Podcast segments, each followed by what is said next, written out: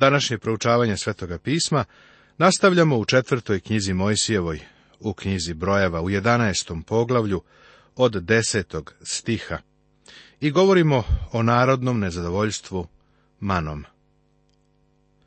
Duh Sveti nam po drugi put opisuje manu. Ono što se njima nije sviđalo bilo je tako divno. Nije to bila monotona hrana. U stvari, kao što ćemo vidjeti u petoj knjizi Mojsijevoj, na putu kroz pustinju i mnoge nisu otekle. Od mane nisu dobili bolest beri beri. Mana je posjedovala sve neophodne vitamine. Bila je to božja hrana. Dala im je sva potrebna hranljiva svojstva. Mana je naravno slika gospoda Isusa Hrista i reči Božije, koja ga otkriva. Mana je mogla na mnogo načina da se spremi. Mogli su je peći ili pržiti, mogli su je mleti i od nje praviti hleb ili kolač. Mojsijeva supruga je verovatno priredila kuvar sa stotinu jednim receptom za manu. Duh Božiji nam govori da je to bila dobra hrana, divna hrana. Pokazuje nam da su tu hranu Izraelci prezreli. Nemojmo sada samo sedeti i reći kako su Izraelci bili grozni. Šta je s tobom, prijatelju? Ta mana ukazuje na Hrista. Šta ti misliš o njemu? Jesi li umoran od njega? Mnogi hrišćani se umore od mane. Mnogi se zamore od proučavanja Biblije. Mislim da možemo reći da najveći deo crkve danas ne želi da proučava sveto pismo. Jednostavno neće to da rade. Škripac u kome se crkva danas nalazi jeste zahvaljujući tome što se narod okrenuo od reči Božije i pokušava da se nahrani negde drugde, a ne manom koju je Bog obezbedio. Mojsijeva pritužba Posle ovoga, čak je i Mojsije bio umoran od naroda. Baš ga razumem i saosećam sa njim. I ču Mojsije gde narod plače u porodicama svojim, svaki na vratima od šatora svojega, i gospod se razgnevi vrlo i Mojsiju bi teško. Pa reče Mojsije gospodu, Zašto učeni tako zlo sluzi svojemu? I zašto ne nađoh milosti pred tobom, nego metnu name teret svega naroda ovoga? E da li ja začeh sav ovaj narod? E da li ga ja rodih, kad mi kažeš, iznesi ga u naručju svojem, kao što nosi dojlja dete, u onu zemlju za koju si se zakleo ocima njihovim? Otkuda meni mesa, da dam svemu ovom narodu? Jer plaču predamnom govoreći, daj nam mesa da jedemo. Ne mogu ja sam nositi svega naroda ovoga, jer je teško za mene. Ako ćeš tako činiti sa mnom, ubij me bolje. Ako sam našao milost pred tobom, da ne gledam zla svojega. Da li se to Mojsije žali? Čini mi se kao da se ovde žali. Mojsije nije baš bio savršen čovjek, nikako. Bio je obično ljudsko biće koje je Bog silno koristio. Mojsije je rekao da bi više voleo da umre nego da sa tim narodom prolazi sve to. Poznajem pastire koji imaju čireve i nervne slomove. Znam dosta njih koji su napustili službu. Učinili su isto što i Mojsije. Žalili su se gospodu da je teret pretežak. Umorili su se od toga da slušaju kritike i pritužbe, žalopojke i nevolje. A gospod reče Mojsiju, Saberi mi sedamdeset ljudi između starešina Izraeljevih, koje znaš da su starešine narodu i upravitelji njegovi, i dovedi ih k šatoru od sastanka, neka onde stanu sa tobom. Mojsije je pogrešio što se ovako Bogu žalio. Rekao je da on nosi sav taj narod, ali nije ih on nosio. Bog to od njega nikada nije tražio. Bog je nosio i narod i Mojsija, ali se Mojsije nije u potpunosti predao gospodu. Zato Bog sada kaže, u redu, Mojsija, ako želiš to, daću ti pomoć. Bog vrlo strpljivo i darežljivo za Mojsija pronalazi pomoć. Naimenovano je sedamdeset starešina. Da spomenem i to da se postojanje sedamdeset starešina nastavilo skroz kroz istoriju. U vreme gospoda Isusa nazivani su Sinedrionom, Jedne noći su se sreli i odlučili da osude na smrt gospoda Isusa. Mislim da im nije bila potrebna ova organizacija. Izgleda kao da mislimo da ako u crkvi budemo umnožavali komitete, organizacije i metode, da ćemo tako rešiti probleme. Nije nam potrebno više organizacija, nije nam potreban sinedrion. Tada ću sići i govoriti onde s tobom i uzet ću od duha koji je na tebi i metnuću na njih, da nose s tobom teret narodni i da ne nosiš ti sam. Bog je pozvao Mojsija da vodi narod, a on mu je obezbeđivao snagu za to. Bog to uvek čini. Nikada ni od koga ne traži da radi više nego što može. Ako misliš da si preopterećen ili da previše radiš, možda zaista jesi. Možda radiš više nego što gospod od tebe traži. Gospod ne preopterećuje one koji mu pripadaju. A narodu reci, pripravite se za sutra da jedete mesa, jer plakaste da gospod čuj rekoste, ko će nas nahraniti mesa? Jer nam dobro beše u misiru. Daće vam dakle gospod mesa i ješćete. Nećete jesti jedan dan, ni dva dana, ni pet dana, ni deset dana, ni dvadeset dana, nego ceo mesec dana dokle vam na nos ne udari i ne ogadi vam se, zato što odbaciste gospoda koji je među vama i plakaste pred njim, govoreći, zašto iziđe smo iz misira. Zanimljivo je pročitati komentar koji duh Boži daje o ovom događaju. Psalam 106. je istorijski psalam, a u 15. stihu čitamo. On ispuni molbu njihovu, ali posla pogibao na dušu njihovu. Bog je odgovorio na njihovu molbu, ali je poslao pogiba u njihovoj duši. Zamišljam kako neki od njih trče okolo i govore kako im je molitva uslišena, ali pogledaj po koju cenu. Naše molbe pred Boga treba da iznosimo sa zahvalnošću, jer znamo da će Bog čuti i uslišiti našu molitvu. Mnogo puta Bog će na našu molitvu reći ne i to će biti najbolji odgovor. Ponekad se molimo za stvari koje nisu najbolje za nas. Ako moljakamo i žalimo se, možda će Bog odgovoriti na našu molitvu, ali će dati pogiba, odnosno slabost našoj duši. Sećam se jednog čoveka koji je bio službenik u crkvi gde sam ja služio pre mnogo godina. Došao je kod mene i tražio da se molim za njega. Posao mu je išao klimavo, pa je želeo da se molim gospodu da blagoslovi njegov posao. Rekao mi je da ako prođe ovaj kritični period, da će imati priliku da se obogati. Tada sam bio mlad propovednik i odmah sam otišao, molio se da čovjek zaradi novac i da gospod podrži njegov posao. I on se molio za to. Bog je čuo naše molitve, čovjek se obogatio i to je bilo najgore što je moglo da mu se dogodi. Dok nije zaradio više novca nego što mu je bilo potrebno, imao je finu porodicu. Izgubio je svu svoju decu. Bog je uslišio njegovu molbu, ali je poslao slabost, nemoć ili pogibao njihovim dušama. Bog govori Mojsiju da će ceo mjesec dana jesti meso, sve dok im se ne ogadi. Uradit će to jer su ga prezreli i jer su kukali pred njim. A Mojsije reče, šest stotina tisuća pešaka ima naroda u kojem sam, pa ti kažeš, daću im mesa da jedu ceo mjesec dana. E, da li će im se poklati ovce i goveda da im dostane. Ili će im se pokupiti sve ribe morske da im bude dosta. Mojsije sada pita Boga kako će to učiniti. A gospod reče Mojsiju, zar ruka gospodnja neće biti dovoljna? Videćeš ćeš hoće li biti što ti rekoh ili neće. Bog mu odgovara da će to učiniti. Nikada ne treba da pitamo gospoda kako će učiniti nešto, kada on već kaže da će to učiniti. On će učiniti i njemu nije potrebno tvoje i moje kako. On to uradi na svoj način. I Mojsije izjađe i reče narodu reči gospodnje.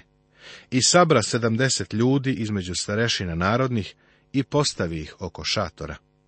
I gospod siđe u oblaku i govori k njemu, i uzevši od duha koji beše na njemu, metnu na onih sedamdeset ljudi starešina. I kad duh dođe na njih, prorokovahu, ali više nikad. Zapazi da nije više bilo sile, nego pre.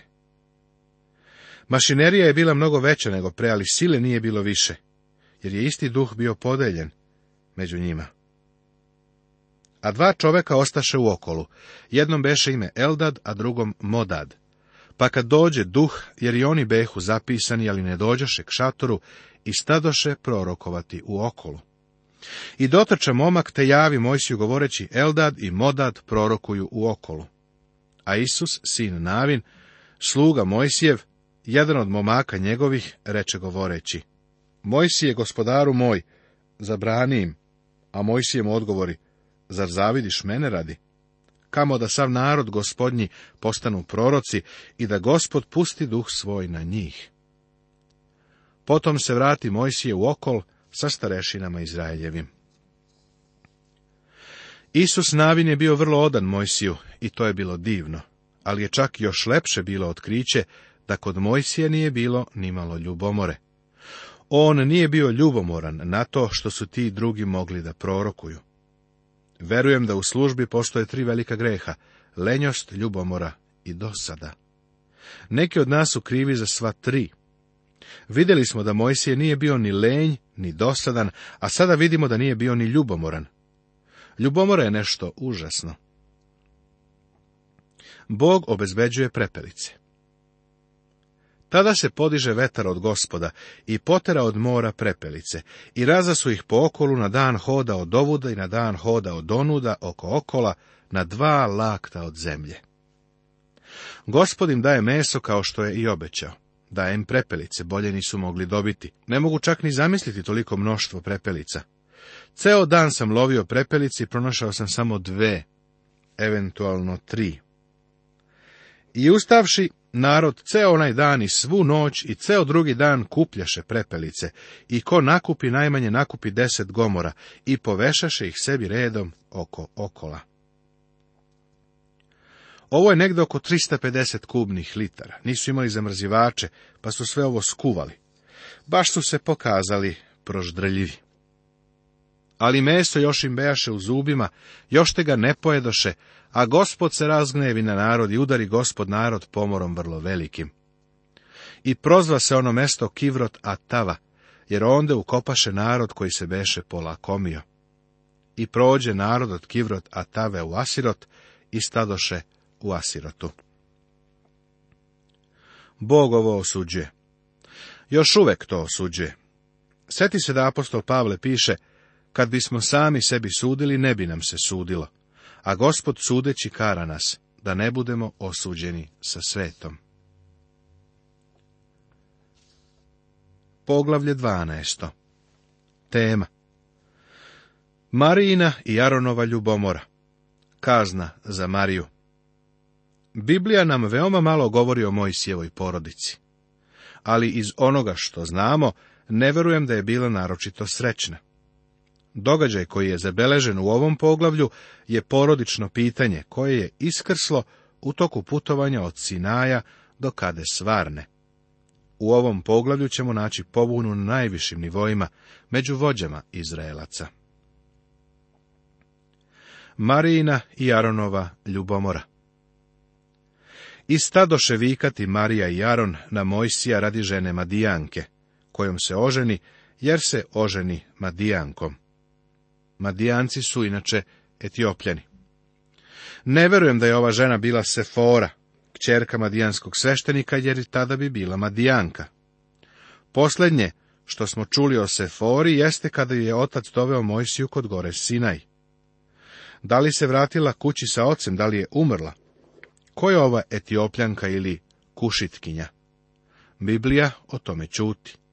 Sve što možemo reći jeste da je ovo izgleda Mojsijeva druga žena.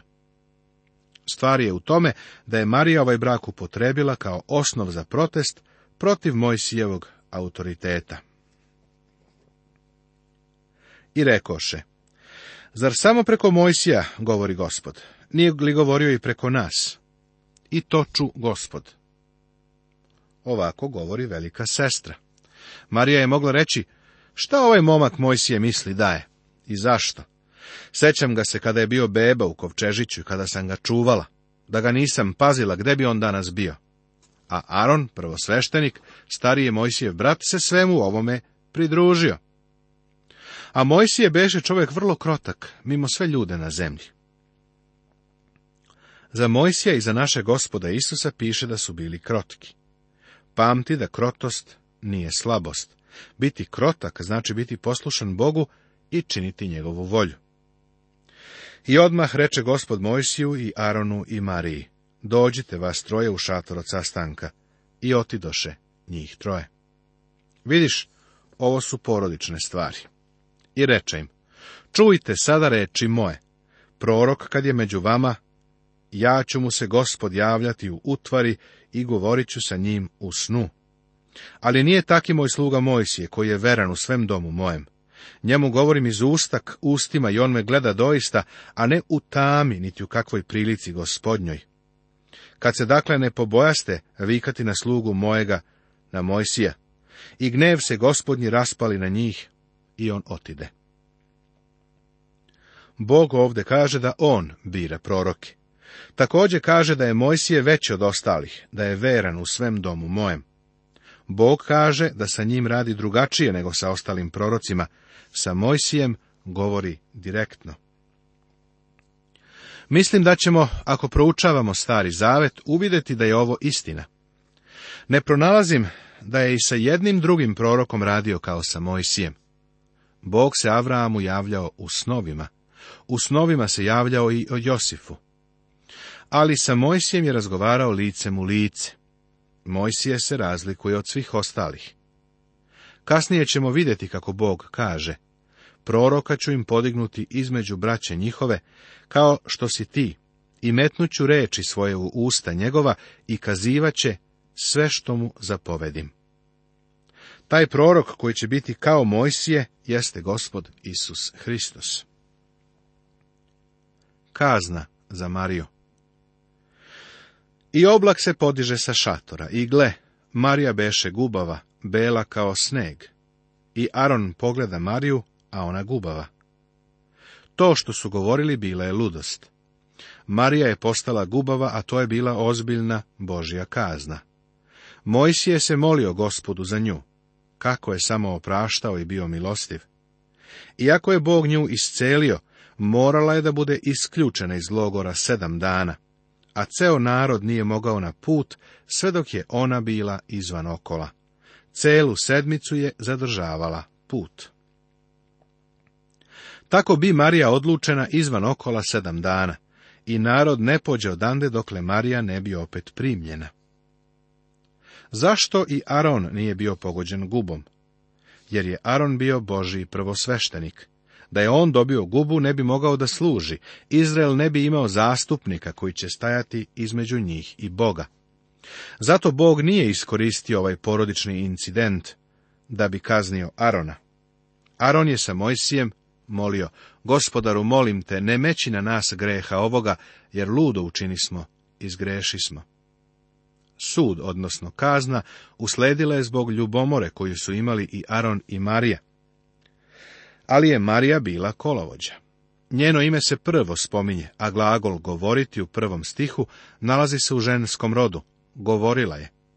Aron nije bio vođa, nego sledbenik. Bio je slab i povodljiv.